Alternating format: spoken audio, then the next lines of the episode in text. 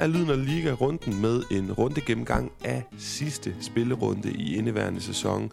Sæson 2021-2022, det var 38. spillerunde, der blev færdigspillet, og jeg har med mig min vanlige medvært, Jonas Knudsen. Jonas, det er tidligere morgen, og jeg synes da bare, at vi skal starte med at uh, få pulsen helt op, fordi Talk of the Town i Spanien, alt det, som har været snakket om den seneste uge, som måske ikke decideret handler om den runde, der er blevet færdigspillet, har jo været Kylian Mbappé. Kylian Mbappé, som alle var sikre på i ind- og udland, ind omkring Real Madrid, men også bare andre journalister uden loyalitet til den spanske hovedstadsklub, de var fuldstændig enige om, at nu fik spansk fodbold den mest attraktive fodboldspiller på planeten. Jeg var også hurtig ud at sige, at det her det er bare et spørgsmål om tid. Det tror jeg allerede, jeg var sidste sommer, Jonas. Lad os dedikere starten af udsendelsen kun til det her emne. Og lad os starte med at spørge herr Knudsen, hvordan han reagerede, da han så, at den gode Mbappé, som er så god, også i de små rum på fodboldbanen, for at tage det over på, øh, på fodboldbanen, hvis man kan bruge en analogi, også vente, ikke kun inde på banen, men øh, på en tallerken 180 grader på ingen tid og på ingen plads. Ja, og, og, og spørgsmålet er, hvor meget man, man kan snakke om, han egentlig har vendt på, på en tallerken. Det er også lidt det, jeg spørger mig selv om. Øh, altså, jeg er måske ikke jeg er helt sikkert ikke lige så chokeret, som, øh, som øh, øh, dem, der er tæt på Real Madrid er, og også dem, som, som, øh, som holder med Real Madrid i virkeligheden er, fordi at der har jo været bygget en, øh, en, en synes jeg, også naturlig forventning op, fordi at Mbappé sidste sommer var så klar i, i spyttet omkring, at han gerne ville til, til Real Madrid, og det ikke lykkedes. Og så er det som om, at, øh, at måske er der bare blevet øh, øh, kørt sådan lidt ensporet ned ad en streng, hvor at øh, man har... Øh, man har bare taget det for givet, at selvfølgelig skal Mbappé til, til Real Madrid.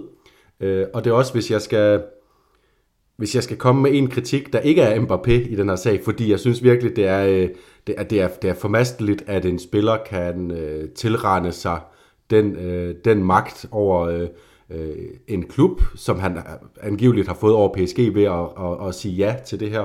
Øh, at han kan få så mange penge ved at spille klubber ud mod hinanden, men jeg synes også, det er, er lidt jeg synes også, det, det kan blive sådan lidt patetisk, at, øh, at Real Madrid føler sig så forsmået over en, øh, en spiller, som øh, Øh, forlænger aftalen med den klub, han er i, fordi han har jo ikke været på kontrakt med Real Madrid på noget tidspunkt. Og jeg synes, det er mærkeligt at høre ord som illoyal, når en spiller forlænger med den klub, han allerede er i i sit hjemland.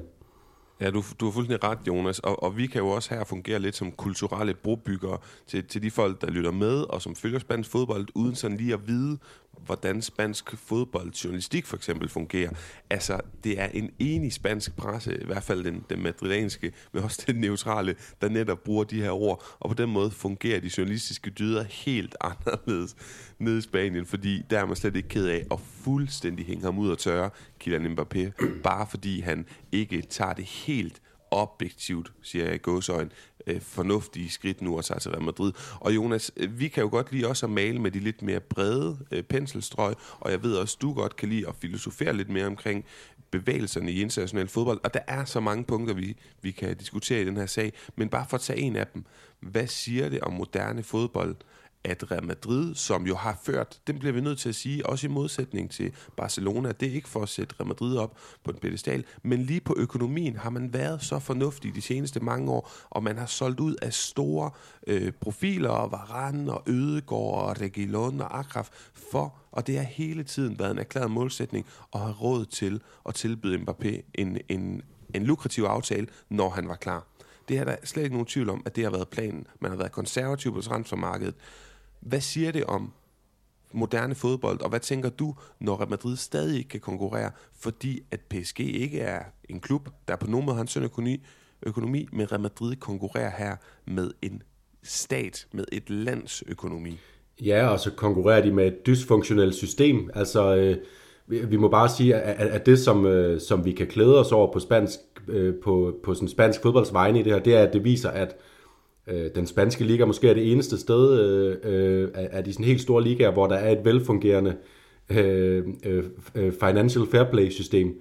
Og, og financial fair play, det er jo noget, UEFA har, har snakket om i, i sindssygt mange år, men, øh, men der, der findes ikke et europæisk financial fair play system, og det er også det, som, øh, som, som en fælles liga er gået i rette med, øh, har sendt en klage til UEFA og til, til EU, fordi det, det er noget, øh, det, det, det, det er et problem det her, som bliver nødt til op på højeste niveau, fordi det er øh, konkurrenceforvridende, at, en, en, øh, at, at stater på den måde. Øh, øh, olierige stater kan gå ind og, og, um, og ødelægge øh, konkurrencen, fordi der er ingen tvivl om, øh, jeg er i hvert fald ikke i tvivl om, at hvis, øh, hvis PSG og Real Madrid havde tilbudt det samme i lønposen, så var Mbappé øh, taget, øh, taget til Real Madrid. Det er virkelig, virkelig interessant, øh, Jonas. Jeg synes, det er sindssygt svært at blive klog på noget i den her sag, men der er ikke nogen tvivl om, at øh, den lukrative økonomiske aftale, den er kommet fra PSG. Mere end Real Madrid. Selvfølgelig er Real Madrids, øh, det er jo heller ikke peanuts, de, de har tilbudt. Det skal man selvfølgelig ikke øh, misforstå. Ja, og, og inden øh, igen, at vi putter Real Madrid helt op på den egen pedestal, så kan jeg også godt, jeg kan også godt se ironien i, at, at Real Madrid nu står på den her side, fordi at øh, der er så mange klubber, der har stået på den anden side igennem historien, især øh, altså øh, i Galactico-årene, og også årene imellem, hvor, hvor Real Madrid har været ude, og de har lagt pres på klubber i lang tid for at sælge deres store spillere, øh, Kaká, Ronaldo, Zidane osv. Men Jonas, lad os lige gemme Real Madrid til allersidst, og så kunne jeg godt tænke mig at høre, hvad du synes, de, skulle, øh, hvad, hvad du synes, de skal stille op, og hvor det er efterladt om det her. Men, men for lige at gøre Mbappé færdig, det er i hvert fald sådan en personlig kæphest for mig, kan man sige det. Jeg forstår simpelthen ikke valget. Og det er ikke fordi, at øh, der er noget objektivt rigtigt eller forkert valg her. Det er der så sjældent, hvis nogensinde i fodbold. Men jeg forstår det ikke, og jeg vil håbe, at, at du... At det, ja, det nemme ville jo være, hvis du bare siger, at jeg er enig. Men det kan også være, at du kan finde en eller anden form for, for fornuft, som, øh, som ikke handler om penge her, fordi Mbappé har lært sig selv spansk det, det, jeg kan ikke huske, hvornår jeg sidst har set en fodboldspiller fuldstændig aktivt sige, men jeg ved, at jeg ender i Real Madrid, så jeg lærer mig selv spansk på forhånd. Snakker, dreng snakker flydende spansk, uden at have andet motiv for det end, end netop det. Han har været eftertragtet, og Real Madrid har flyttet med ham og gået efter ham i over 10 år nu. Han var på besøg som 12-13-årig på Valdebebas, mødte sin idoler Zidane og Ronaldo. Vi så det her famøse nu billede på drengeværelset hjemme i, øh, i Frankrig, hvor der er Ronaldo-plakat overalt sidenhen blevet rigtig gode venner med Benzema på landsholdet. Jeg synes, der var lagt i kakloven til, at det var så oplagt, at han skulle komme nu. Real Madrid bød alle de her penge på ham. Var det spekulativt leje? Det ved vi ikke sidste sæson, men øh, altså, det er jo helt sikkert, at hvis PSG accepterede det her astronomiske bud sidste sommer, så var han endt der, for han sagde selv sidste sæson, at han ville være der, og du kan ikke byde så mange penge i fodbold, og så trække det tilbage. Og sidste pointe herfra, det nye Bernabeu, Florentino Pérez og Galactico, hvad kalder vi det, Jonas, øh, at den her besættelse af Galactico, der var ingen tvivl om, at Mbappé var tiltænkt den her rolle som første posterboy på det nye Bernabeu, vi går ind i den her sæson. Så lad os prøve at starte med valget. Jeg kan ikke forklare det, og så kan man sige, jo, men sportsligt projekt, der vil vinde i PSG, men PSG har aldrig været et sløjere projekt siden uh, Zlatan og Thiago Silva kom til, og, og Emiren fra Qatar osv. Jeg kan ikke se øh, noget fornuft i det her projekt. Messi er oppe i årene, Ramos er oppe i årene, Neymar er også irrelevant. Jeg forstår det ikke. Nej, øh, jeg, jeg har sådan en, en forklaring, som kan være, øh, som kan give noget, et eller andet form for, for mening og, og frembringe. Jeg skal sige, det er ikke det, er ikke det som jeg tror, tror på spil, men altså, vi har jo tale om en, øh, en stadig ung øh, fodboldspiller, som øh, har trådt op på den allerøverste hylde i sit øh, hjemland, i en øh, øh, klub. Der har aldrig været en så, så stærk klub i Frankrig. Han spiller i, øh, i sin øh, hovedstad, i, i fantastiske Paris, og er øh, den absolute stjerne. Han kan blive den øh, historiske, altså han kan blive fuldstændig øh, enestående for Ligue 1's historie i, i sit eget hjemland, samtidig med at han selvfølgelig stadigvæk kan gøre forskellen på det franske landshold, og så kan jeg håbe, at PSG også vinder Champions League, og på den måde også skriver sig ind i øh, verdensfodbolden, ligesom øh, øh, ligesom jeg hørte uh, Sid Lowe sige i, øh, i The Spanish Football Podcast, at, uh, at Chris Mann også havde den snak uh, åb, åbent, uh, da han overvejede, om han skulle skifte til Barcelona, om han ville tage til Barcelona og vinde Champions League som en del af, af en, en håndfuld af stjerner, hvor han ikke ville stå ud som ham, der havde gjort det, eller om han skulle prøve at gøre det med Atletico Madrid og blive for evigt glorificeret i historien som ham, der vandt øh, øh, Champions League med, med Atletico, ligesom vi husker Eusebio for Øh, Øh, Benfica, Cruyff for Ajax osv. Så, videre. Øh, så, så det skulle være den eneste forklaring, men jeg tror bare ikke, det forklaring, det er, det er ikke hovedforklaringen i hvert fald, det er pengene, han ikke har kunne sige nej til. Og nu skal vi lige straks tilbage på den spanske fodboldbane. Men til allersidst for at svare på den, Jonas, og jeg hører dig godt sige, det er ikke fordi, at du står på mål for lige præcis den her forklaring. Det var bare et, et alternativt bud. Men jeg køber den slet ikke, fordi PSG er jo, undskyld mig, nu siger jeg det bare lige ud, det er et lorteprojekt. Alle hader det i international fodbold. Han får ikke den anerkendelse, han øh, fortjener, fordi alle er klar på, mm, over, at det her det er et dårligt projekt, hvor at øh, præsidenten efter Madrid slår dem ud, er nede og true folk i spillertum, eller i, i, i spillertunnelen. Alting er dårligdom omkring den her klub, og der er ikke nogen, der kommer til at give ham den fulde anerkendelse, før han smutter. Og, og alle mål, om man scorer 40 mål hver sæson i ligaen, det er ikke lige så anerkendt, som hvis han scorer 20 i Spanien eller England.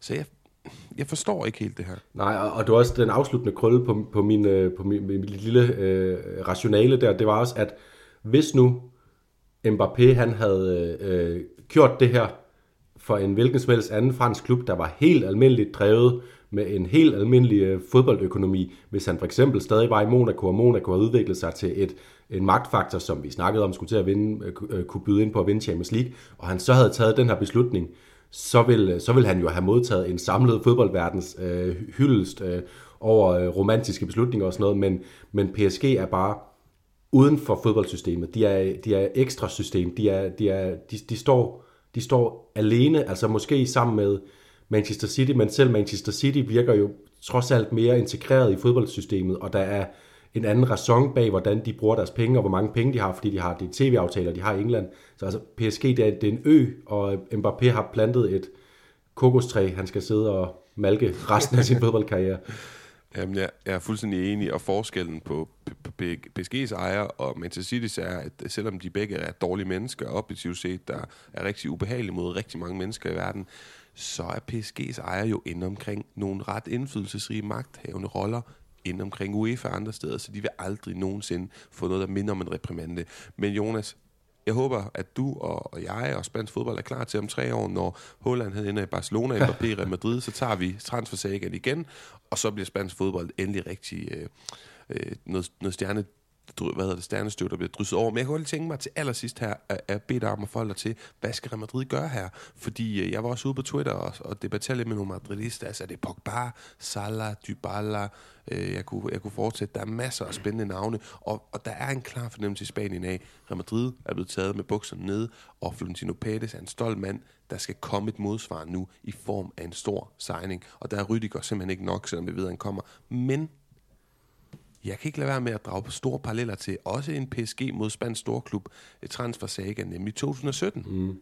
Da en vis PSG kom og kuppede en vis Neymar, og Barcelona gjorde noget dumt. De gik ud i byen og sagde, se hvor mange penge vi har. Vi er desperate efter signings. Og sidste pointe, inden du får lov at komme til. Real Madrid har vel ikke så stort brug for signings. De er klart det bedste hold i La Liga den her sæson. De er i en Champions League-finale. Mange unge spillere på vej frem. Har de overhovedet så meget brug for en stor statement signing? Øh, nej, Real Madrid har brug for, for signings, men de har ikke, jeg synes heller ikke, de har brug for en, øh, en statement signing. Og det, det jeg vil, vil så sige, at jeg ønskede, det var, at de gik ud og købte en, øh, altså lidt på linje med Vinicius og Rodrigo, men måske en, der er lidt mere fremskreden i sin udvikling, end da de kom til.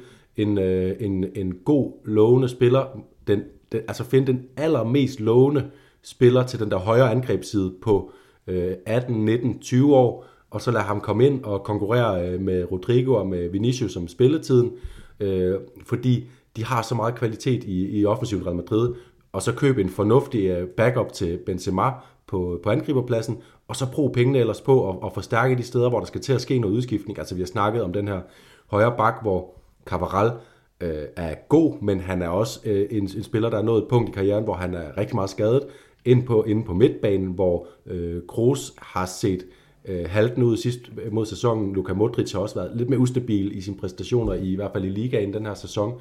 Altså, og det kunne, der kunne man jo lave en sådan semi-statement signing. Vil det være en statement signing af Real Madrid at købe Pogba? Nej. Vil han være en, en stjerne? Ja. Men, men de kan ikke få Mbappé, de kan ikke få øh, Holland, de kan ikke få øh, Messi, de skal ikke hente Cristiano Ronaldo. Så der, og så er der kun øh, Mohamed Salah tilbage, som kunne være en, en stjerne helt op på, på øverste niveau. Og det, det, jeg ved ikke, hvor, hvor vild jeg er med ideen om, at Real Madrid skal købe, øh, købe Mohamed Salah. Øhm, selvfølgelig kunne han være, være, være god for dem, men jeg synes bare, at der, der, der er noget godt i gang i Real Madrid. Så jeg vil ønske, at Florentino Pérez, han for en gang skyld kunne se lidt ud over sin stolthed, og så øh, gøre noget fornuftigt øh, med, i den situation, han nu er blevet sat i. Hvis jeg skal sætte et sidste punktum her, Øh, hvis nogen kommer og gav mig en hvid trøje over hovedet, Jonas, så vil jeg øh, have våde drømme om Bernardo Silva. Det er en spiller, som jeg har været forelsket i et stykke tid. Jeg har altid tænkt, at han skulle til Barcelona. Så var der rygter om Atletico Madrid lige pludselig.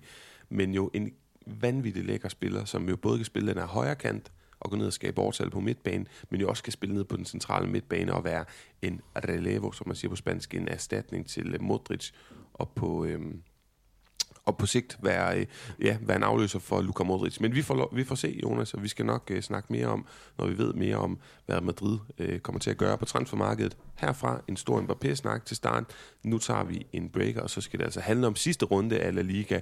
Op, uh, ikke oprykker, dem kender vi desværre ikke helt nu, men nedrykker, nedrykkeren, som jeg selvfølgelig er rigtig ked af, Europa League-pladsen, eller undskyld, Conference League-pladsen, og meget mere. Så der kommer lige en breaker, og så tager vi det på den anden side. Si du te invito a que dejemos todo un lado, que empieza la liga, yo sé que me dices que sí, que sí, que sí, que sí. Jonas, vanen tro, og for sidste gang i denne sæson, så læser jeg lige resultaterne op fra runden, der gik. Fredag aften fik vi Real Madrid mod Real Betis 0-0, og hvordan er det nu med generalprøver? Når jo, en smart opfindelse, undtagen når de løfter sløret for, at man slet ikke er klar til premiereforestillingen. Jeg tænker selvfølgelig på Champions League-finalen, som vi også lige kommer til at runde. Rayo Levante 2-4. Levante gav os sidste kamp i sæsonen i Primera Division, og underholdt os vanetro. Så fik vi øh, lørdag Valencia Celta Vigo 2-0 til Valencia. Det var der meget få tilskuere, som uh, kunne bevidne på Mestalla, fordi resten de stod ud i uh, protest mod ejerskabet i Valencia uden for stadion.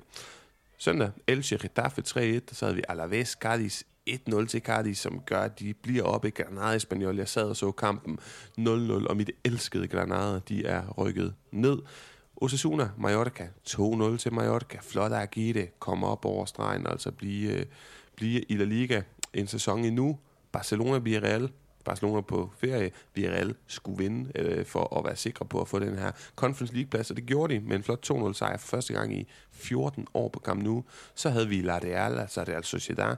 De tabte spinkel til Atletico Madrid øh, på besøg øh, Atletico Madrid op i Baskelandet og vandt altså 2-1. Øh, Diego Simeones tropper, og så Sevilla Atletic Klub 1-0 til Lopetegi i måske hans sidste kamp i spidsen for øh, Sevilla. Jonas, hvor starter vi hen? Øh, vi kan jo starte nogle af de mindre åbenlyse steder, og så kan vi så hoppe ned til der, hvor der virkelig er kød på snakken.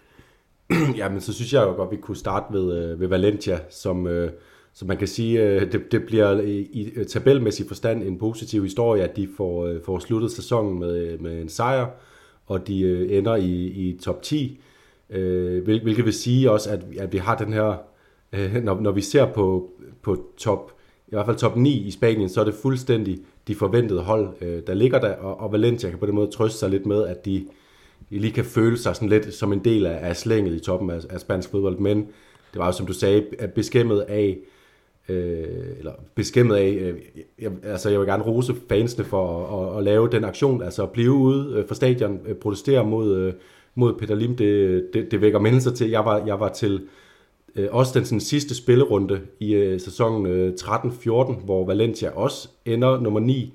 Øh, og der var øh, kæmpe fest på sidste spillerunde, hvor de spillede mod Celta Vigo, øh, fordi Peter Lim blev budt velkommen. Og, og, og det står bare i skærende kontrast til øh, her øh, otte år senere, hvor han er ja, den mest upopulære mand i øh, hele Valencia-regionen. Men Jonas, øh, nu, nu får jeg bare lige en tanke, når, når du snakker om det her, og også i forhold til tabellen og sådan noget. Det kommer lidt ind for højre, men du må gribe den, som, øh, som du nu kan og har lyst til. Men jeg kan huske, at vi begge to øh, var eksperter på spansk fodbold for Mediano i den her 18-19 sæson, så snakkede Øh, det var i hvert fald en sæson, hvor vi, hvor vi tog liga under behandling, og hvor vi kiggede på en sæson, hvor et hold som Celta Vigo, via Real Atletic Klub, havde rigtig, rigtig svært ved det. Og jeg kan nogle gange tænke på, det er måske min pointe, om vi bliver lidt forvandte med, at nu ligger de i den positive ende af tabellen, når det er hold, som det ikke er særlig lang tid siden, de har kæmpet for ikke at rykke ned. Altså forstår du, hvad jeg mener? Vi snakker også om Betis, der senest rykker op i 2015, at de her hold cementerer deres plads i, i den positive ende af tabellen og ligger og kæmper med omkring de europæiske pladser, er vel en udbredt succes. Og der må jeg måske også lige kritisere mig selv lidt, fordi jeg, jeg har stadigvæk en følelse af nede i maven, at for eksempel Celta Vigo ikke har haft en særlig god og prængende sæson. Men det er selvfølgelig milevis bedre end at ligge lige omkring 17., 18., 16. pladsen. Ja, og, øh, og, det, og det er jo også kun fordi, at, øh, at, at, at mange af de her hold har vi set lave nogle, nogle helt store sæsoner, øh, og, og de fleste hold også på, øh, med, altså med, ved at spille virkelig god fodbold, altså Celta Vigo. Jeg, jeg sidder jo stadigvæk stadig altid og holder dem op mod de år, hvor de spillede med, øh, øh, hvor de spillede nogle fantastiske kampe mod, øh, mod de bedste Barcelona og Real Madrid hold i historien måske, og, og var tæt på en Europa League finale osv. Øh, og det er måske lidt unfair, fordi, og, og jeg synes faktisk også, altså når vi nu netop lige snakker Celta, så har de, øh, så har de, så har de noget godt kørende lige nu, altså nogle øh, spændende spillere, og det er altid, øh, det er altid interessant at, at, at se deres kampe, men det er klart, altså man, man sidder bare altid og håber på klubbers vegne, at de kan komme op, hvor de rigtig opnår noget, og sådan en 11. plads, det er bare altid lidt, øh, det, er altid, det er altid lidt en la-la-følelse, selvom at, at det isoleret set er en, en fin sæson, der vil øh, hverken gå over historien som det ene eller det andet øh, for, for Celta. Mm. Nå, men lad os komme til de hold, som havde noget virkelig på spil, Jonas. Lad os starte øh, nede i den kedelige ende af tabellen, hvor mit elskede Granada rykket ned de gjorde sådan mere eller mindre, hvad de kunne i, i deres kamp mod Espanyol. De spiller en, en fin kamp. Øh, de har chancerne. Espanyol har dem også. Jeg synes, Espanyol, og det er måske det vigtigste til at starte med, at, at de gør, hvad de, øh, altså, hvad de skal Espanyol for at konkurrere i den her kamp. Altså, det er jo vigtigt, at vi ikke ser de her sådan lidt konkurrenceforvidende præstationer for hold, der er gået på ferie og ikke har noget at spille for. Men Granada rykket ned. Aitor Karanka, lokale medier, kort efter kampen, er melder, han er fyret, og så ikke alligevel, og de måtte ud og sige undskyld, de her lokale medier, hvilket sker ret sjældent i, i sportsjournalistik, at man siger undskyld for at have meldt noget for tidligt, men det gjorde de. Nu må vi se, hvad der sker. Ellers rigtig synd. Han har virkelig præsteret flot, siden han kom ind for ja, jo, Robert Moreno i virkeligheden, men Ruben Torresilla, der lige øh, var kort ind som caretaker. De øh, har et øh, meget bedre... Ikke meget. De har et en smule bedre hold, et kende bedre hold end både Cardiff og Mallorca, hvis du spørger mig. Så jeg synes, øh, pilen peger på Robert Moreno her. Jeg er helt klart enig, øh, og vi må også bare sige, at det har, øh, det har vist sig efter Karanga øh, øh især har taget over, at, at der har været øh, der har været noget kvalitet i det her hold, og, og den, den kvalitet, som, øh, som, øh, som løftede dem øh, til så, så høje tinder for ikke så lang tid siden, den, den findes stadigvæk i, i, i truppen. Øhm, så, øh, så, så det, er, det, det, er, det er ekstra bittert for, for Granada, at det ender på den her måde, når nu at de, de, de er endt med at, at være et sted, hvor, hvor de ikke burde måske have, have rykket ned. Og så også selvfølgelig, at øh, det, det jo egentlig ender nede i bunden med, med rimelig sådan høje pointtal. Altså normalt siger man jo der med, at man skal have 40 point for at overleve, men der, der er så mange sæsoner, hvor at øh, 35-36 point har været nok, og Granada de ender på de her 38, og så, og så ryger de ned. Der, der er et point op til tre forskellige hold. Altså jeg kan ikke, øh, jeg kan slet ikke sætte mig ind i, hvor bittert det må være at, at, at, at have siddet og været øh, Granada-fan og fulgt med i, i begivenhederne øh, den aften. Ja, men det kan, det kan jeg jo så fortælle dig, at det var rigtig hårdt. jeg sad med min trøje og, og havde lyst til at græde lidt. Men Jonas, hvis vi sådan lige skal have parkeret det her hold og sagt øh, farvel til min sæson, ved at gøre en status. Et hold, som har en rigtig fin trup, som i sidste sæson var langt i Europa League altså, hvor sindssygt er det ikke? Men det er jo selvfølgelig klart, at det ikke der Granada hører til. Det var mere Diego Martinez merit og hans, øh, hans skyld, hans fortjeneste, end, øh, end noget andet. Hvis man sådan kigger på, øh, på, at de så falder så langt, så vi snakker om det, Robert Moreno, men der er jo nogle store spillere. Altså, de købte Luis Maximiano, altså Sporting Lissabons primære målmand, et stort målmandsnavn, har de købt. Nu han rykket ned. Jeg tvivler på, at han skal spille Segunda Division. Øh, Gonalon har jeg stadig været vild med at rose meget den her sæson. Luis Mia på midtbanen, der jo spillede Segunda, for han kom til Granada, men virkelig øh, klart ligner en etableret øh, fin spiller i La Liga, Luis Suarez fra Colombia osv. Jeg synes, der er nogle rigtig dygtige spillere på det her hold, og jeg tvivler på, at, øh, at nogle af dem, jeg lige nævner her, de skal ned og spille Segunda Division. Men vi må se. Har du et par sidste ord at sende dem øh, på sommerferie med? Ja, jeg, jeg, øh, jeg håber for dem, at, at de her, de har jo en, en, altså en, faktisk en ret bred kerne af, af, af sådan ret lojale øh, spanske spillere, som også har et godt niveau, øh, og især et godt niveau til, til Segunda Division.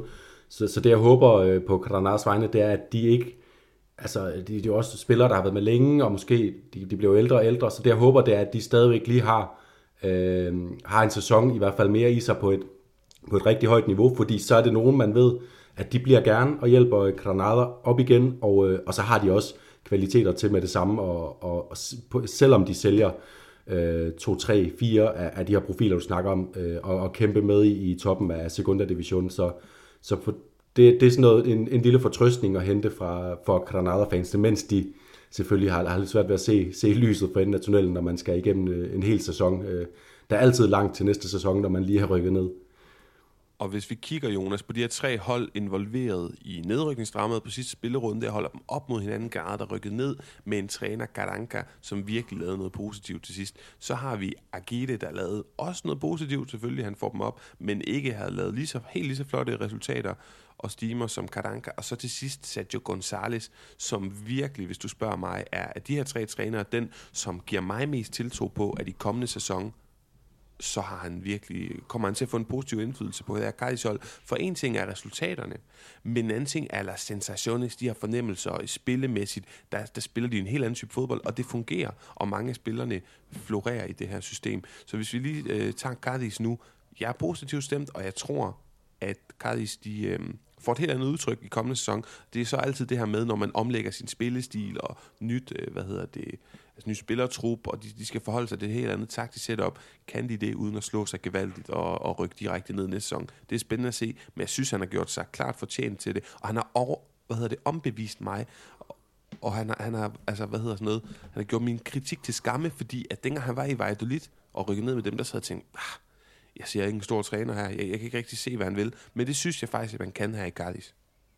Ja, jeg, jeg synes faktisk, øh, også, også da han rykkede ned med Valladolid sidste sæson, der synes jeg, det kom på baggrund af, at han faktisk i løbet af sæsonen havde gjort rigtig mange gode ting. Jeg synes faktisk, øh, Valladolid var, var bedre den sæson, end de var øh, foregående sæson, hvor de, hvor de overlevede. Øh, men, øh, men resultaterne så ikke med dem. De, de manglede lige den der målscore. Sean Weissman var ikke kommet i gang på det tidspunkt, som han er nu nede i Segunda. Øh, men det er også, det er også værd at bemærke sig her, at, øh, at det, er jo, det er jo anden, anden sæson i træk, at uh, Sergio González står i den her situation på sidste spilledag. Øh, så, så det var også, nu, jeg sad jo og så den her, øh, mens du sad og, og, og græd over øh, Granadas manglende formåen over, over øh, for en mål, så sad jeg og så den her kamp øh, fra, fra Vitoria. Øh, fantastisk, øh, dramatisk øh, begivenhed. Og Sergio González, da han, da der er slutfløjt, der går to sekunder, øh, inden at resultatet kommer ind. De blev fløjt af nærmest simultant, øh, de to kampe. Øh, jeg har næsten aldrig set en mand se så, så lettet og lykkelig ud på samme tid, fordi øh, det, det var bare så tydeligt, at han kunne næsten ikke bære, hvis han skulle rykke ned på sidste spilledag for anden sæson i træk, og miste endnu et projekt formentlig. For det er også det, en træner står med, når han rykker ned. Det er udsigten til det her, som jeg har arbejdet på nu i nogle perioder, hvor jeg kan se nogle perspektiver, fordi Sergio, der er ingen tvivl om, man kan se perspektiverne, ligesom du kan i, øh, i Cardis-truppen, øh, og de, de, de udviklinger, der har været, det, så kan en træner bare se det, få dufte i regnen, starte forfra, måske skal han slet ikke være der, hvis de rykker ned. Øh, så, så det er bare, ja, jeg elsker de her øh, øh, nedrykningsdramaer på sidste spilledag, fordi der, der, er så mange, der er så mange flere følelser på spil, end når, øh, når Real Madrid og Barcelona vinder endnu et mesterskab, og når Villarreal klemmer sig med i Conference League. Altså det, det er det er sådan hjerteskærende ja. at, at følge med i, og, og livsbekræftende på den anden side øh, at følge med i enig, og nogle store skæbner, der er på spil, der skal afgøres til den ene og den anden side. De her mål, eller ikke mål, Jorge Molinas brændte straffespark, og han har også et par store brændte muligheder, men han var så helten helt op til det her, så jeg synes ikke, man kan kritisere ham for meget. Pacha Espino, den her kultspiller, venstre bak for Gardis, der får scoret og sådan nogle ting nogle legendariske scener. Jeg har lidt lyst til lynhurtigt, Jonas, fordi vi skal videre og lige spekulere i Jens Jønssons fremtid. Det er klart, var de rykket ned, så var han i hvert fald ikke blevet i Cardis. Jeg tror, at det er kørt for langt ud på et sidespor til, han bliver i Cardis. Så håber vi, og det er jo bare logik for burhøns for dig og mig, at han bliver i spansk fodbold. Men ja, har du et par tanker omkring hans fremtid? Ja, jeg tror, den ligger ikke i Cardis, øh, og, og vi har fået indikationen på det i og med, at, øh, at, at der var jo den her klausul med, hvis øh, han spillede et vist antal kampe, øh, spillede mere end 35 minutter i et vist antal kampe, så, så kunne Cardis øh, automatisk sikre en, en, en forlængelse. Og øh, det har Sergio González ikke prioriteret. Øh, selvfølgelig kan man sige, at det er svært at prioritere det bevidst i en situation, hvor man kæmper om nedrykning, men, øh, men, men alt peger på, at, at Jens Jønsson på en eller anden måde har givet udtryk for, at han gerne vil prøve noget andet, og at Cardis også har øh, accepteret det her. Øh, og spørgsmålet er, om han er, er røget så meget ud i kulden her, og ud af, af, af, af folks bevidsthed, at han, øh, at han ikke har det samme øh, hotte navn i andre spanske klubber, men jeg tror faktisk, at, at han har vist nok, især jo altså i nogle rigtig gode kampe, i nogle, øh, et sted, som er godt at vise sig frem imod øh, FC Barcelona. Han har spillet nogle gode kampe mod Barcelona, ligesom resten af Cardis holdet, har altid været en integreret del af de her, øh, de her chokresultater. Øh, så tror jeg, der er et eller andet i Spanien, der gemmer på ham. Hvad det lige er, det, det, det skal jeg altså ikke kunne sige. Nå, men øh, et sidste spekulativt input herfra. Måske han var tættere på Valencia, end man regnede med i vinters, og måske han kan komme der til gratis nu. Det kan godt nok være en sindssyg historie, som jo blev hjulpet på vej af Valencias pobre pobre tilstand ja. for tiden. Men Jonas, lad os hoppe videre til Mallorca. Mallorca, som bliver oppe. Rigtig flot arbejde at give det, inden uh, sidste spillerunde går i gang. Er det jo dem? Nå nej, det var... Hvem var det? Var det Cardis eller dem, der lå til nedrykning? Det var Cardis, der lå på den inden, uh, inden kampen. Uh, inden kampen gik i gang. Men, men uh, Mallorca, der bliver op med Agete som redningsmand til allersidst. Øh, oplagte paralleller til før, han har været redningsmand til allersidst, og også ikke har formået at få succes med det, for eksempel for Leganes senest i den der coronasæson, hvor det, hvis ikke det for Luka Jovic hånd, som burde have have givet et øh, kastet straffespark af sig, så havde de, var de også blevet op der. Han er han excellerer i den her disciplin, men er det sådan lidt... Jeg har lyst til at tænke Calleja eller Vest sidste sæson, at så kan han ikke øh, fortsætte med de gode takter frem mod eller ind i kommende sæson. Hvad tænker du her? Øhm, nej, jeg vil også være... Jeg vil også... Det, jeg har det mærkeligt med at skulle sige det, fordi at Javier Guerra er en fantastisk træner, og jeg, jeg, jeg kan virkelig godt lide ham, øh, den, øh, den spanske Ove Christensen. Men øhm, jeg vil være bekymret som Mallorca-fan, hvis, øh, hvis det her det bare leder naturligt ind i næste sæson, og at han får ansvar for at skulle bygge Mallorca op over de kommende år. Øhm, jeg, jeg synes, øh, Mallorca har haft nogle nogle spændende øh, spillere inde i, øh, i, og nogle spændende hold øh, i løbet af de sidste par år, øh, hvor, hvor det har kunne pege lidt fremad. De har, de har kunne føre nogle lidt unge spillere frem, og, øh, og, og også til tider faktisk spillet noget spændende fodbold. Det har ikke været, øh, det har ikke været den sidste halvdel af den her sæson, der har de set pobre ud, og, øh, og jeg vil også, jeg vil også sige, at det var, det var lige så meget op ad bakke for Rabia Gede, det her projekt, som det Leganes projekt, han kom ind i, men han, han lykkedes så flot med det. Men jeg, jeg, vil, jeg vil prioritere, hvis jeg var Mallorca, og, øh, og få en yngre træner ind med nogle, øh, nogle nye impulser, få bygget et, øh, øh få, få bygget et langvarigt projekt op. Øh, lige nu der er, de jo, der er det jo bare en lykkelig situation, at de lykkes med den her redningsaktion. De har lige besluttet sig for at øh, ommodellere deres stadion. Det er sindssygt vigtigt for dem at blive op i, i La Liga til det her, men, øh, men, men nu synes jeg, de skal prøve at, ja, at bygge på fra bunden, i modsætning til Cardis, som jo har hævet Sergio González ind, som i den grad peger fremad, fordi man har kunne se udviklinger i spillet. Det har man altså ikke i, i Aguirre's Mallorca. Man har kunne se, at han har fået de resultater, der skulle til, og det, det er ligesom også det. Jonas, det er, mm, det er dejligt at høre din mening omkring det, men du kommer ikke til at få ret jo desværre, fordi at Aguirre, da han kom til, var inde i Largado, det her famøse sportsradioprogram, som, øh, som vi begge to storkonsumerer, og der siger han, lige da han kommer til Mallorca, at øh, aftalen er, at hvis de bliver op, så får han automatisk næste sæson med. Så ja, men en karismatisk træner, om ikke andet, og vi må holde øje med, hvad han gør. Jeg tænker, at de er nedrykningsfavoritter, i hvert fald blandt de tre frem mod kommende sæson, men man kan altid blive øh, positivt overrasket. Det var Levante, hvis der også en sæson, så kom Paco Lopez ind, og så havde de øh, point nok til i den i det første, jeg ved ikke hvor mange runder han kom ind til at skulle have ligget til Champions League nærmest. Vi har også set Ritar og alle mulige andre hold levere ting, som ingen i hvert fald få havde forudset. Men en karismatisk træner, som jo siger Agite efter øh, preskonference efter kampen, det er en kendskærning, at de bliver oppe, og han bliver spurgt ind af en journalist, fordi at, at de ved, at han er sådan lidt en hyggeonkel. Agite, nu skulle du vel hjem og have en rom. Så siger han, nej, skal man have to rom, og så skal jeg i seng. så, øh, Ingen cigar. Velfortjent. Det havde med, jeg. Et, øh, med, et par, ja, med et par glas rom og også eventuelt en cigar til den gode Elbasco Agite. Og så lad os hoppe op, hvor det bliver lidt sjovere øh, placeringsmæssigt. Øh, Atleti Klub og Villarreal, der dystede, og det blev Villarreal, der fik den her sidste Conference League-plads. Første gang, at øh, et hold skal med i Conference League med spansk øh, pas, fordi at det skulle vi have været sidste sæson, men de vandt jo Europa League og kvalificerede sig dermed til Champions League. Og her er en pointe, Jonas, tænker jeg, fordi så kom de med, for det første er de gode nok til at vinde Europa League, det kan vi jo se, og så kom de med i Champions League, hvor de var gode nok til at komme i semifinalen, og det var selvfølgelig mere øh, det er selvfølgelig ikke mere held end forstand, men du forstår, hvad jeg mener, at det, er jo ikke mere øh, undtagelsen end reglen, at de ligger op i det lav europæisk topfodbold. Men mit spørgsmål er, om det ikke er mere en forhindring end en fed udfordring at skulle være i Conference League. De kan vel nærmest kun skuffe, medmindre de vinder den her turnering. Øhm, nej, nej, nej, sådan har jeg det ikke helt. Øh, altså, øh, Conference League viste sig jo den her sæson. Altså, det er også en, en, en, der er kommet en flot finale med Feyenoord og Roma. og faktisk have et, et højt niveau, og ikke være så langt under Europa League, som man måske skulle tro, men stadigvæk så er det nogle modstandere af en helt anden kaliber. Øh, Villarreal kan, øh, altså med al sandsynlighed, kan de relativt nemt spille sig videre fra, fra gruppespillet, uden at bruge, øh, altså øh, rotere stort, øh, stort set ikke bruge deres, øh, deres galaopstilling. Øh, så, så på den måde, så ser jeg det faktisk som en mulighed for dem for at, at kunne fokusere på La Liga øh, lidt nemmere, mens de stadigvæk øh, kan hige efter noget europæisk succes og se, hvor langt det bærer.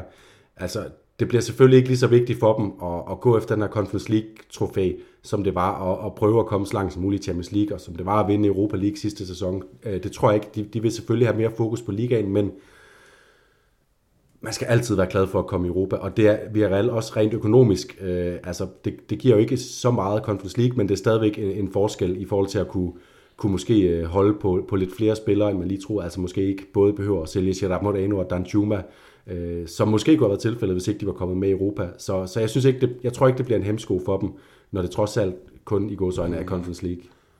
Men, men Jonas, lad os lige prøve her, ja, afslutningsvis lige omkring de her to hold, der Conference League-plads. Altså for det første, det er jo en, en, en kendskærning, at vi to vi sidder og holder øje med, hvilke dansk hold kommer i Conference League, og hvor kan vi få dem parret det samme med Europa League.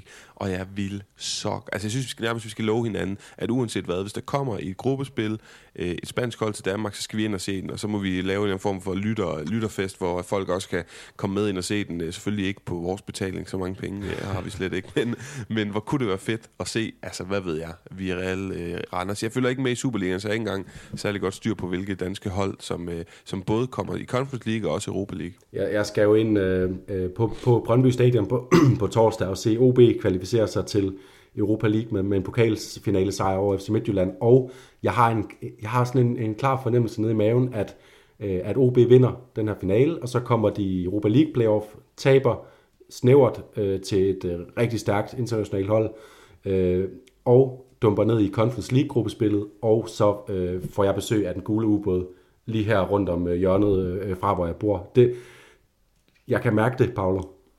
Ja, men jeg kan også kun se, at det er faktisk det eneste scenarie, der overhovedet er muligt. Så jeg glæder mig til, at du åbner baghaven til ølbowling, og vi er real forfest. Patrick Hoffson, han kan komme og rap. Det eller bliver fantastisk. Men, øh, men øh, ja, og så hvad med Europa League-pladserne? Har du styr på dem? Hvem, øh, fordi der, der har vi jo både Real Sociedad og Betis, der kan komme forbi. Øh, ja, og de kommer direkte i gruppespillet, så, så det, er jo, det er jo nok, det er, jo, der er virkelig store muligheder, fordi øh, både FCK og FC Midtjylland ender sandsynligvis i Europa League-gruppespillet. OB øh, som jeg antager vinder pokalfinalen på torsdag, kan også øh, med en, øh, med, med en øh, sejr i, i playoff-runden der.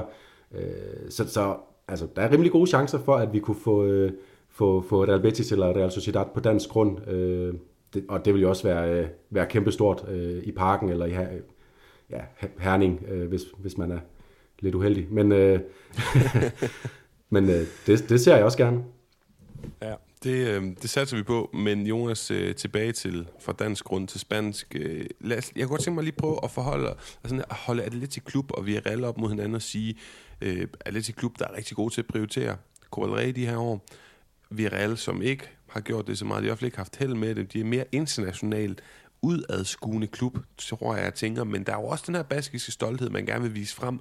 Hvis du, nu ved vi jo så, øh, sjovt nok, at Villarreal kommer ud i Europa, det gør lidt til klub ikke. Men hvis det havde været omvendt, kan vi sådan kan du holde dem op mod hinanden og sige, at du havde hellere set, at det ene hold var ude, eller hvilken hvis man kan snakke om, at, at det havde været en hemsko for de nationale præstationer, havde det mere været en hemsko for Atletic Klub end Villarreal. Jeg har også hørt en debat i Spanien om, man snakker om, hvis ikke Villarreal havde fået den her europæiske plads, altså var inde på en 8. plads, så kunne de seriøst præstere godt i øh, La Liga næste sæson, og måske være en trussel helt op omkring Champions League-pladserne. Forstår du mit, øh, mit spørgsmål og mit tankeeksperiment? Ja, det gør jeg, men, men, men, men, men øh, de har også brug for de her, simpelthen altså rent økonomisk, der, der var jo de her øh, øh, bånd, der blev lækket med, Valencias præsident, øh, og var meget fremme i, øh, i de valencianske medier, også øh, de øh, nationale spanske medier for den sags skyld. Øh, og noget af det, som faktisk sådan kom lidt ud af, af som en sidehistorie for det, det var, øh, at han fortæller, at han havde snakket med Fernando Reutsch, som havde sagt til ham øh, under en af, af Villarreal og Valencias kampe, at hvis, øh, hvis ikke de kommer... Øh, hvis ikke de kommer med i europæisk fodbold på den ene eller anden måde, så har de ikke råd til at, at bevare den spillertrup, de har. Altså så har, de, så er deres øh, så er deres lønudgift for stor i forhold til de indtægter, de kommer til at få. Så, øh, så det, er et, det er et nødvendigt øh, onde i godsøjne, at de, at de bliver nødt til at komme med her. Og, og, og som, jeg, som jeg sagde før, så tror jeg, at lige præcis det bliver Conference League for dem i den her omgang. Det kan gøre, at de, at de stadig kan få den der effekt, nærmest ligesom hvis de ikke spillede europæisk fodbold, og, og, og he, altid stille med deres bedste hold i ligaen. Øh, hele tiden have fokus på ligakampen frem for Conference League-kampen, hvor det har været åbenlyst har været omvendt i, i den her sæson, og det har kostet dem i, øh, i tabellen. Ja, så kan man måske sige, at altså, jeg tror, jeg tænker, at Atletic Klubs øh, 19. 20. mand i truppen i bredden er jo slet ikke lige så stærk som Villarreal, hvor du kan have en Paco Alcácer eller Alberto Moreno siddende på den der plads, eller Sergio Rie, ja, og, eller hvem det er. og de kan ikke gå ud og hente ham. Altså Villarreal, Villarreal kan jo gå ud, når de så ved, at de kommer med i, i europæisk turnering, så kan de gå ud og hente øh, nogle relativt billige, men dygtige spillere fra, fra nogle af de andre spanske klubber måske, som kan, kan være ydermandater og kan spille øh, Conference League-kampe. Det kan Atletic Klub ikke. De kan i hvert fald ikke sikre, at, at de henter nogen på et, øh, der kan gå direkte ind på et, øh, på et ordentligt niveau. Mm. Jamen, øh, så tror jeg egentlig, jeg tænker, at vi har debatteret de her ting øh, omkring øh, de her pladser. Og hvis der er en, en sidste pointe til en eller anden kamp, Jonas, som, som du vil have med her og ikke i koringerne, så er du selvfølgelig velkommen til at komme med dem. Ellers tænker jeg bare, at vi hopper på koringer. Øh, jeg tror, du fik sagt, at det var Espino, der scorede Cardis mål. Øh, det var et, et Choco Lozano. Og øh, øh, meget mere kommer vi til at, at høre om, øh, om, hvad der skete i slutfasen og øh, efter kampen, når vi kommer til, til koringerne. Perfekt. God rettelse. Jeg ved ikke hvorfor. Jeg synes bare, jeg så... Jeg ved jo godt, det var Lozano, der scorede. Hvorfor det, jeg har set Espino? Var det ham, der lagde op, eller sådan øh, et eller andet? Jeg synes, der var sådan der, der var jo faktisk, altså, øh, øh, mens du sad og så Granada jagte målet, og Carlos Barca, der rammer stolpen og så videre, så blev der faktisk dømt et, øh, et straffe til Deportivo Alaves. Og det var simpelthen fordi, at øh, Espino, han står med ryggen til inde i feltet, øh, og han... Øh, og så ryger bolden ned på ham, og han flager lidt med armene, og dommeren er ikke i tvivl, dømmer straffe. Men øh, det var viser så tydeligvis, at bolden bare ramte ham, hans øh, skulder. Øh, og, og, og lige præcis der, øh, der, var, øh, der viste var hele sin berettigelse, fordi der kunne en dommerfejl af dimensioner, de kunne simpelthen sende Cardis ned i, øh, i Segunda Division. Så, så det var altså lidt hårdrejsende øh, øjeblik for, øh, for både for mig og helt sikkert også for, for Cardis. Jamen, jeg glæder mig til at høre mere ros, når du tydeligvis har var som din ugens Daniel Alves, men uh, nu hopper vi på den sidste breaker, og så tager vi koringerne derefter. Good evening. Good evening. Good evening. Uh, good evening. Good evening. Good evening. Hvad tror Jonas, så lad os starte med, uh, ja, rundens det der er så, og jeg har kigget på El Doble Pasillo. Nu har vi snakket så meget om, hvad en pasillo er doble. Det, det ligger jo lidt i ordet, det er spansk ord, men det lyder jo meget som dansk ord dobbelt. Og det er jo en dobbelt pasillo, som vi fik i øh, Real Madrid øh, af Real Betis, så det er sådan meget sjovt, at først så tror jeg, at det er Betis-spillerne, som på Bernabeu klapper Real Madrid-spillerne ind, og bagefter, når de sådan er gået ned for enden af den her menneskeskabte tunnel, den her æresport, så stiller Real Madrid-spillerne sig op og klapper Betis-spillerne, der blev Copa-mestre jo ind. Og det synes jeg bare var rigtig flot, og en fin afslutning på sæsonen, og så forhåbentlig også en fin afslutning på den her sådan lidt åndssvage, sensationsløsende og drevne debat, der er i spansk fodbold, og jo som også smitter af og kommer helt herop øh, i Danmark. Lad os nu ikke fokusere på, om der er Barcio eller ej, men øh, ja, bare slutte sæsonen pænt af på en flot måde med spanske traditioner, og det skete her. Ja, og lad os nyde dem, når de er der, øh, fordi øh, det er, jo, det er jo det, de er der for. Øh, de er der ikke for at blive snakket om, når de, når de ikke er der. Øh, min detajasso, den går uden omsøg til øh, Ivan Alejos optræden under hele den her øh, Cardis oprykningsfest. Øh, det er sådan, Ivan Alejo var, var skadet til den her kamp, men han var dukket op på stadion iført øh, Cardis officielle træningstøj, øh, og øh, efterhånden som kampen skrider frem, så begynder den, den spanske producer at blive opmærksom på, at, at der sidder altså en med, med Cardis officielle træningstøj på, oppe på tribunen blandt Cardis-fansene, sidder og ser kampen med øh, øh, øresnegl i øret og hører de andre kampe og lever sig lige så meget ind i kampen som, som alle Cardis-fans omkring ham. Det var Ivan Alejo, og da Diogo Lozano så scorer det her mål, øh, så humper han hele vejen. Først så jubler han sammen med Cardis-fansene øh, helt øh, inderligt, og så humper han ned over øh, sæderækkerne og hopper over banden. Der er lige en steward, der lige, det giver lige ham, indtil han op. Den, og det er en, der gerne må være der. Og så ned og juble med, med spillerne. Øh, og øh, i øvrigt så bagefter, øh, i flyet på vej hjem øh, til Cardis, der, øh, der er der en fantastisk video, Cardis har, har lagt ud, hvor han øh, øh, tager fat i mikrofonen, og så fortæller han, øh, øh, altså så genfortæller han øh, Diogo Lozanos mål, ligesom om han var radiospeaker, øh, til stor begejstring for, øh, for hele Cardis-truppen, og øh, det synes jeg, det er en øh, ja, kæmpe detalje, Ivan Alejo at optræde på den måde. Også det der med at være så tæt på sine fans og have ønsket om at, at, at, at vise dem, hey, vi er sammen om det her. Det, det, det, det er stort for mig at se sådan noget. Og Jonas, hvis jeg sidder lidt og tænker, at vi skal have lytterne taget i hånden, fordi at jeg, jeg glemte også at sige det, men det der er så, altså en detalje, det kan også godt være noget, som ikke foregår nede på fodboldbanen, og det har vi så begge to valgt øh, ja. i dag, så det er bare lige for at sige til de lytter, der, der, der hører os runde efter runde snakke om flotte mål og tæmning og assist og alt der, at en detalje på, ligesom på dansk, også på spansk, kan være andet end det. Og velfortjent omkring Cardis en lille pointe. Deres fanbase er jo selvfølgelig meget mere attraktiv end både Granadas og altså også Mallorcas. Jeg, jeg, jeg vil ikke snakke så meget om Mallorcas, for jeg kender det ikke. Jeg er en af de få danskere, der har været plus 30 gange i Spanien og aldrig været på Mallorca, Tenerife eller Gran Canaria, så jeg kender ikke de her øer og de her klubber frygtelig godt. Men øh, fanbasen i Cardis, den er meget deprimerende. Den er helt sikkert øhm, hvad hedder det, fortjener at være i La Liga. Lad os komme videre til øh, rundens Rugon, og der har jeg kigget på Gonzalo Melero, som vi for sidste gang, i hvert fald i en Levante-trøje, for at se lige forløbig. Jeg tror dog, han kommer videre i systemet og skal spille La Liga, eller i hvert fald i en af de vigtigere ligaer i, span eller i international fodbold i kommende sæson. Han spillede en fandvittig god kamp, og det er faktisk en spiller, der helt tilbage i sidste sæson var en, du hjalp mig med at få øjnene op for at sige, prøv at se den her dynamiske midtbanespiller, han kan noget. Og det kunne han i den her kamp, hvor han får scoret og lagt op, og det er bare en målfest, og potpourri af alle de offensive ting, han har at byde på. Ja, han, han har virkelig holdt fanen højt. Øh, det skal også siges, i, i starten af sæsonen var han også en del af, af, af Levantes problem med ikke at kunne konvertere deres, deres gode spil til mål. Øh, det, det er først noget, der er kommet på her til sidst, men så må man sige, der er gået hul på bylden for ham, så velfortjent lille øh, hyldest til ham, inden han ja, måske bliver i, i La Liga, måske skal ned i, i Segunda Division.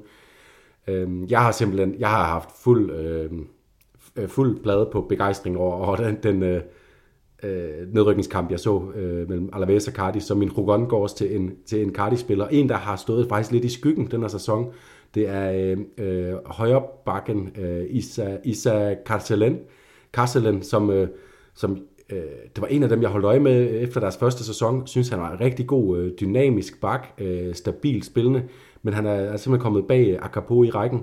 Han var skadet til den her kamp, og så er Carcelen inde og leverer et, et brag af en kamp. Jeg synes, han var en af, han, han var, det er derfor, jeg vælger ham som Rugon bedste spiller, øh, og han ligger også op til det her afgørende mål, øh, som Lozano scorer, og det er sådan et mål, hvor oplægget er, øh, hvis ikke bedre, så i hvert fald øh, lige så godt som, som afslutningen. Sådan en flat indlæg, der rammer lige ind mellem målmanden og, og forsvarsspilleren, og så, og så Lozano, der kan klide ind i den. Så stor kamp af Carcelent, som er Cardis høj, øh, andet valg på højre bak, øh, så en, en sjældent hyldest øh, mulighed for at hylde ham også.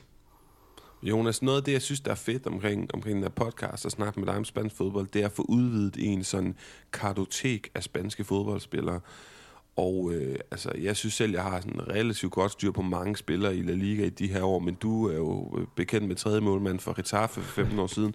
Og, og lige Garcelen har jeg ikke, altså jeg Acapó har jeg klar, fint styr på som spiller og kunne definere ham, men lige Garcelen har jeg ikke sådan frygtelig godt styr på. Kunne du hjælpe mig og andre lytter, jeg tror også, der sidder en enkelt eller to, der ikke sådan lige er super familiær med Carcelen. Hvad er det for en type fodboldspiller? Øh, jamen, altså, han er jo virkelig en... Øh han, han er en, en driftsikker højre bak. Øh, altså, hvis man skulle, man kunne lidt sammenligne ham med Mario Gaspar måske, øh, som man ved, hvor han, man ved, hvor han står i, i den defensive organisation, hvilket man må sige så være vigtigt. Det var, han spillede jo også meget den øh, sidste sæson, hvor den defensive organisation var alfa og omega for, for Cardis. Øh, og, øh, og så har han altså så har han noget dynamik frem af banen. Altså det er en øh, jeg synes jeg synes bare han er han er en, han er han er en meget komplet højre bak, som hvis at han bare lige havde løftet sit spil et, et nyk i kvalitet, så, så var han også fast for Cardis, og måske også bejlet til, til en større klub, men øh, der er måske manglet noget på eksekveringen, og så var der også det faktum, at han var med til at spille Cardis op øh, øh, i La Liga, og, og så også ud til at være, være en, der, der bare skulle, skulle videre ind i systemet og spille fast og, og hjælpe dem videre i La Liga, og så får han en skade, først i, i sidste sæson og glider ligesom lidt ud, og det betyder så også, at de får øh, Akapo ind, øh, som bare har gjort det svært for ham, fordi øh, han har også bare øh, bevist, at han øh, fortjener at spille, så, øh, så, så der er ikke nogen hard feelings, selvom jeg holder øh, har et mærkeligt øh, kærlighedsforhold til, til Castellan. ja, hvor Acabo måske lidt mere er sådan en Abeloa-type, så og det giver jo mening, især under Alvaro Cervera, men altså også under Sergio, så har han også spillet, fordi han er definitivt stabil, så lyder det som om, at vi også skal holde øje med Carcelen. Jonas, vi skal videre til Dani Alves øh, Douglas skalaen, og øh, lad mig starte med at lægge ud. Douglas, jeg har lyst til at pege på Molina straffespark, han brænder, men han har været så stor en held for Granada den sæson, været deres klart bedste spiller, at, at den gode Jorge Molina vil jeg ikke kritisere. Hvis det, i stedet for at kritisere, eller i hvert fald negativ story, det ved jeg ikke, men det her med, at jeg ved ikke, om du har set det. Har du set, hvem øh, Barcelona har inviteret til Gamba-trofæet? Øh, Granada? Nej, det har, de har inviteret Roma. Okay. Og det er jo noget med, at Romas træner og Barcelona har et lidt specielt forhold. Det er nemlig José Mourinho, der skal stå og være med til at hylde det her Barcelona-hold, og Xavi, som er så katalansk, og ah, jamen, det, det, det bliver meget specielt, og jeg vil, jeg vil for første gang i en, ja, nogensinde måske holde altså, sådan virkelig øje med det her Gamba-trofæ. Men ved du, jeg tror, jeg tror faktisk, Mourinho, han er, han er gået hen og blevet lidt, uh, lidt blød her på, på sine, øh, sine gamle dage. Der, der var... Uh, der var, der var en skøn historie, for det er faktisk UEFA's præsident øh, Seferin, der, der beskrev, at uh, Mourinho havde skrevet til ham, efter at Roma kvalificerede sig til den her uh, Conference League-finale, og, og skrevet, tak fordi du har lavet den her turnering. Jeg troede ikke, at det ville være noget, men jeg er, jeg er lige så lykkelig, som øh, når jeg har kvalificeret mig til Champions League-finaler, som når, når jeg har vundet mesterskaber i Portugal, England, Italien, øh, Spanien. Øh, og øh, der, det var også en, en, en gradfærdig Mourinho, vi så kvalificere Roma til en Conference League-finale, med alt det, han har gennemgået. Der er noget, der tyder på, at han er, han har måske fundet ind i en mere øh, sådan, øh, balanceret øh, øh, mindset, hvor han, øh, han nyder tilværelsen. Så måske han også kan nyde en festdag i, i Barcelona, hvor han jo også tidligere har haft sin gang øh, som, som del af, af, af FC Barcelona. Ja, ja, både som tolk og senere som assistenttræner. Han har også været med portrætteret i Informe. Det er jo ikke Robinson længere efter han er død. I hvert fald et spansk øh, tv-program, der sådan, uh, laver portrætter af inden for fodboldverdenen, hvor han er med i de her uger omkring øh, ja, både sit forhold til Barcelona og sådan ting, hvor han jo siger også det her med, han var så tæt omkring Barcelona i, i slut 90'erne, også med Sir Bobby Robson og alt det her. Og jeg tror også, at det, er det også omkring Louis van Gaal, han er med, det kan jeg ikke lige huske, men i hvert fald, så siger han, mi segundo hijo es catalán, altså min, min anden søn er, katal, er katalansk, for han er født i Katalonien. Så det er øh, et specielt forhold, og noget vi skal holde øje med, der er Mourinho og Barcelona gamper trofæet i sommer. Min positive historie, Daniel Alves, bare lige kort. Andoni Iraola fortsætter i Arajo. Han har skrevet under på en forlængelse, og alt, hvad der er lort omkring Rayo i forhold til Martin Presa, klubpræsidenten, alt det her hul om hej. Heldigvis så har de styr på den vigtigste ting, som er at træneren, der overpræsterer i den grad i de her sæsoner, han fortsætter. Ja, det er flot, øh, en, en øh, sjældent flot beslutning af, af Rayo-ledelsen. Øh, min, øh, kom jeg ind på min Douglas overhovedet? Nej, Øh, min Douglas, jeg har skrevet ned, det var egentlig øh, Mbappé-sagen, men den har vi ligesom øh, været rundt om, så altså, i stedet så kommer min Douglas til at gå til øh, det, som vi allerede har snakket om, at, øh, og, og nu er det vi sådan i gang med rundt sæsonen hele dag, det er, at, øh, det er, at Levante rykker ned. Altså, jeg, jeg, kan ikke, jeg kan ikke helt komme over det, også fordi det er en, en periode i den spanske liga, hvor at vi, øh, vi savner øh, vi savner offensivt sprudende spil fra, fra mange mandskaber. Vi savner, savner mål. Og der må man bare sige, at øh, Cardis, Mallorca, Getafe, øh, som er dem, som ligger lige over, de har bare ikke været lige så garante for det. Vi kan ikke være sikre på, at, at de går ud og spiller kampe for at, for at, øh, for at underholde, ligesom, øh, ligesom Levante gør. Øh, så så det, gør mig, det gør mig lidt ked af det, og sådan bekymret for, hvor, om vi får sådan et hold, der bare øh, ligger i midten af tabellen og spiller sprudlende og ligeglad med, om de risikerer at tabe i stedet for at vinde. Øh, måske Måske Rayo, som har, har lidt af det der øh, aspekt i deres, øh, deres spil, men, øh, men ja, grundlæggende ked af at, at miste Levante. Min, øh, min Alves, det var, som du rigtig gættede, øh, da jeg begyndte at snakke om VAR oppe i, øh, i Cardis-kampen, det var den VAR-beslutning, der var på Espino, fordi den viser VARs berettigelse. Men da vi også har, har vendt det, så vil jeg bare give den, den her Alves til Cardis-fansene, til, til Cardis-truppen, for de, de scener, der udspillede sig i øh, på Mendizorosa, øh, og i virkeligheden også til, til Alaves fans. Altså det var bare, det var en smuk scene, altså det, for, jeg prøver lige sådan at iscenesætte det, det var, Øh, det var en, en kedelig, dårlig første halvleg, der var anspændthed. Cardis var ikke gode. Anden halvleg begynder de så at, at presse på. Alaves-spillerne gør en brav indsats for at vinde, selvom at de ikke har noget at spille for. Øhm, Cardis-fans, de dukkede talrigt op, de er engageret, de er tydeligvis en helt med følelserne ude på tøjet. Det var, det var øh, fantastiske billeder at se, og så den her jubel, der brød ud bagefter. Det var, det var så absurde scener, fordi vi ser, øh, vi ser øh, farlige falde til jorden i, i øh, vi ser Jose Mari, som øh, den anfører, der blev skiftet ind i løbet af kampen, og også har den øh, tredje sidste fod på målet, gå ned og omfavne alle sine fans i sådan en løvejubel. Samtidig så er der krydsklip til Lejeune, der skiftevis klapper og undskylder ud til Alaves-fansene, som i øvrigt kvitterer med klapsalver. De, de respekterer spillernes øh, øh, forsøg, som de har gjort på at, på at redde sig, selvom det vidderligt har været en, en sløj sæson for dem.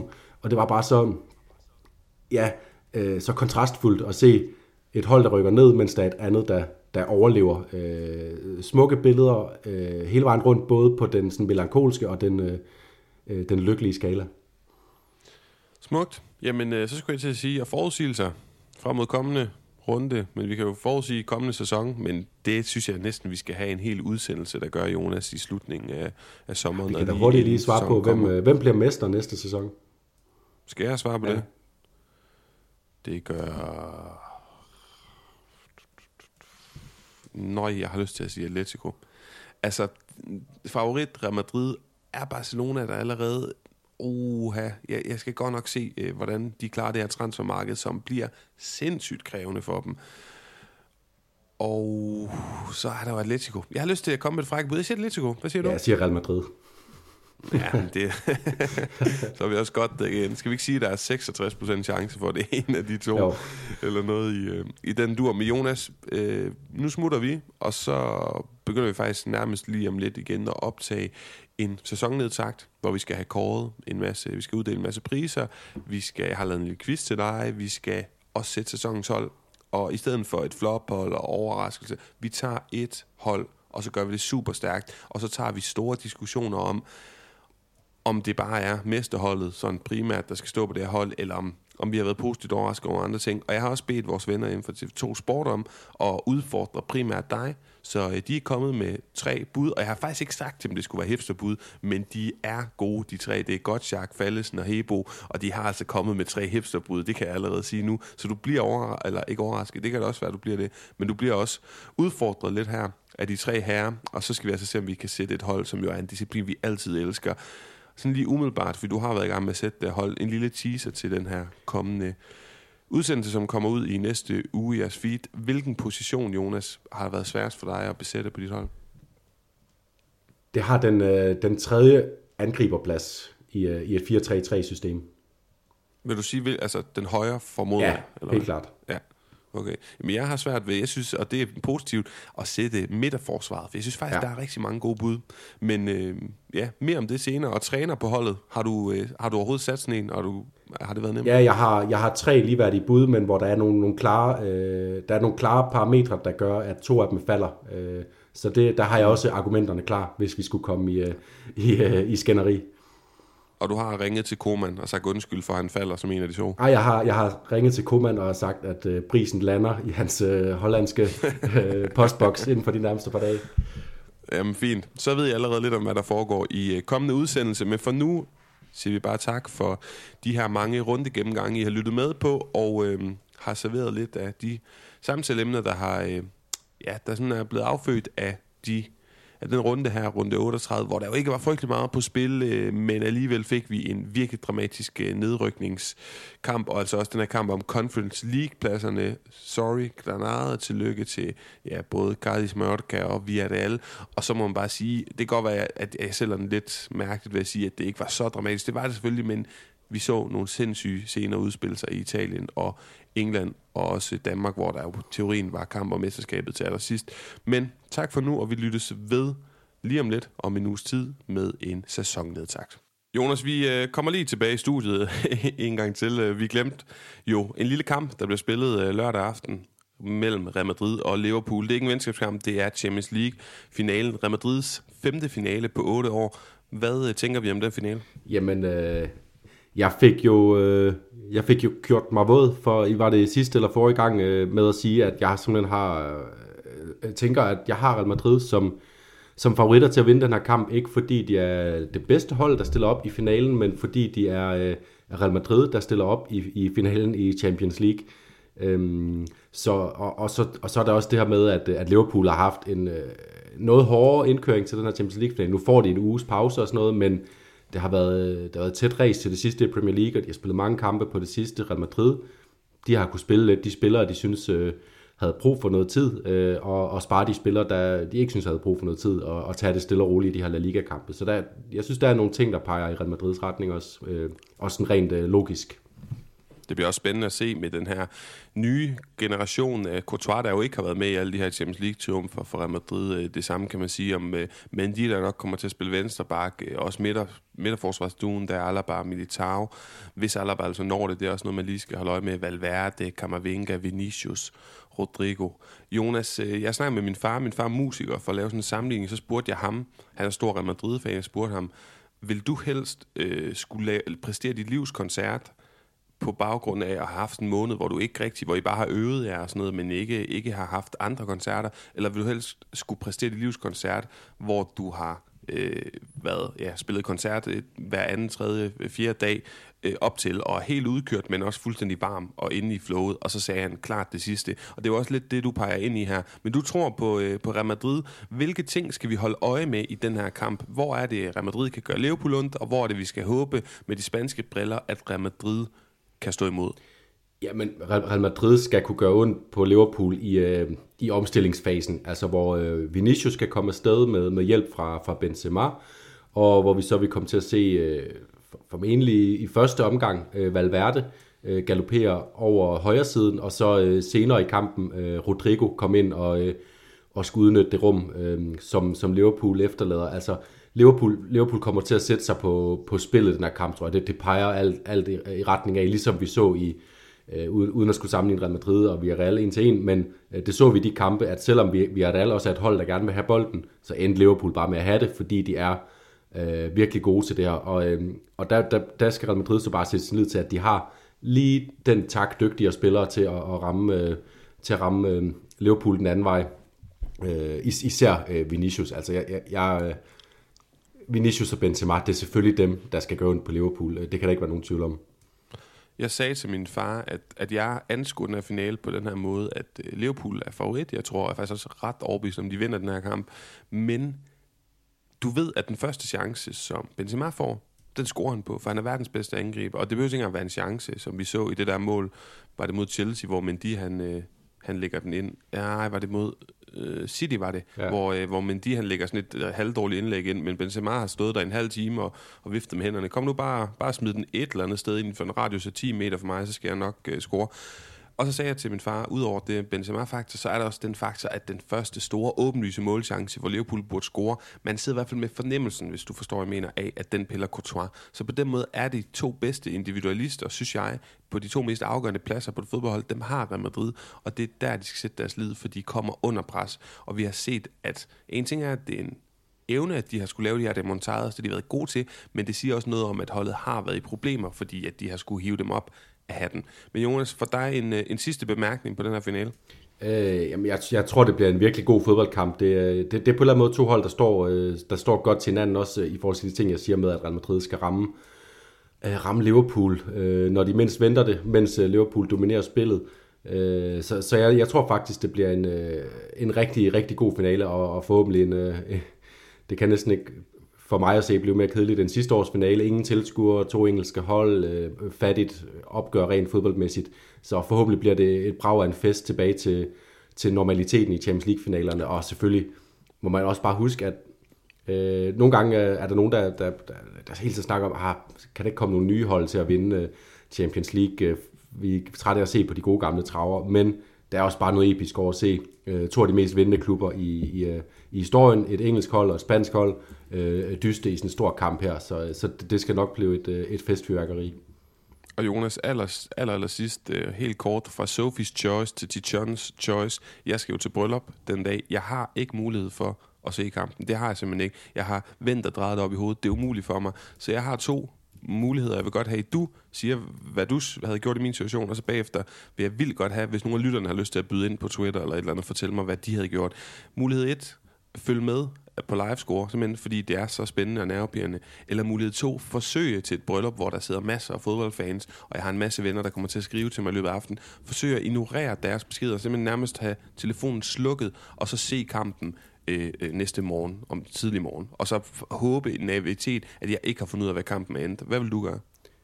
Det er, øh, det er en virkelig svær beslutning. Øh, jeg, jeg tror, jeg vil øh, holde øje med kampen, og så... Øh, og så, øh, og så se den på et andet tidspunkt, hvor man har ro til at, at sidde og, og, og holde øje med nogle detaljer. Altså det er også, når man, når man ser, genser kampe, øh, hvor man øh, kender resultatet, jeg, jeg bryder mig i min grundessens ikke om det, men øh, når det er så store kampe, og hvis det er en kamp, hvor ens hold har fået øh, har, har opnået noget stort, så er det sjovt. Jeg har, set, jeg har jo genset øh, for eksempel øh, OB's øh, mirakel fra Madrid, øh, hvor jeg udmærket godt ved, hvad der sker, men det er bare sjovt at sidde og holde øje med alle de tegn, der er i kampen og sådan noget. Så, så det, kan, det, kan, det, kan, det kan også give noget, øh, noget interessant perspektiv på finalen for dig. Det er også det mest humane at gøre. Jeg tror simpelthen ikke, jeg kan lade være med at holde øje. Men det var nok om det, Jonas. Nu trykker vi stop med at på, ja, på opsageren her og sender den her podcast ud af og så skal det handle om sæsonnedrunding.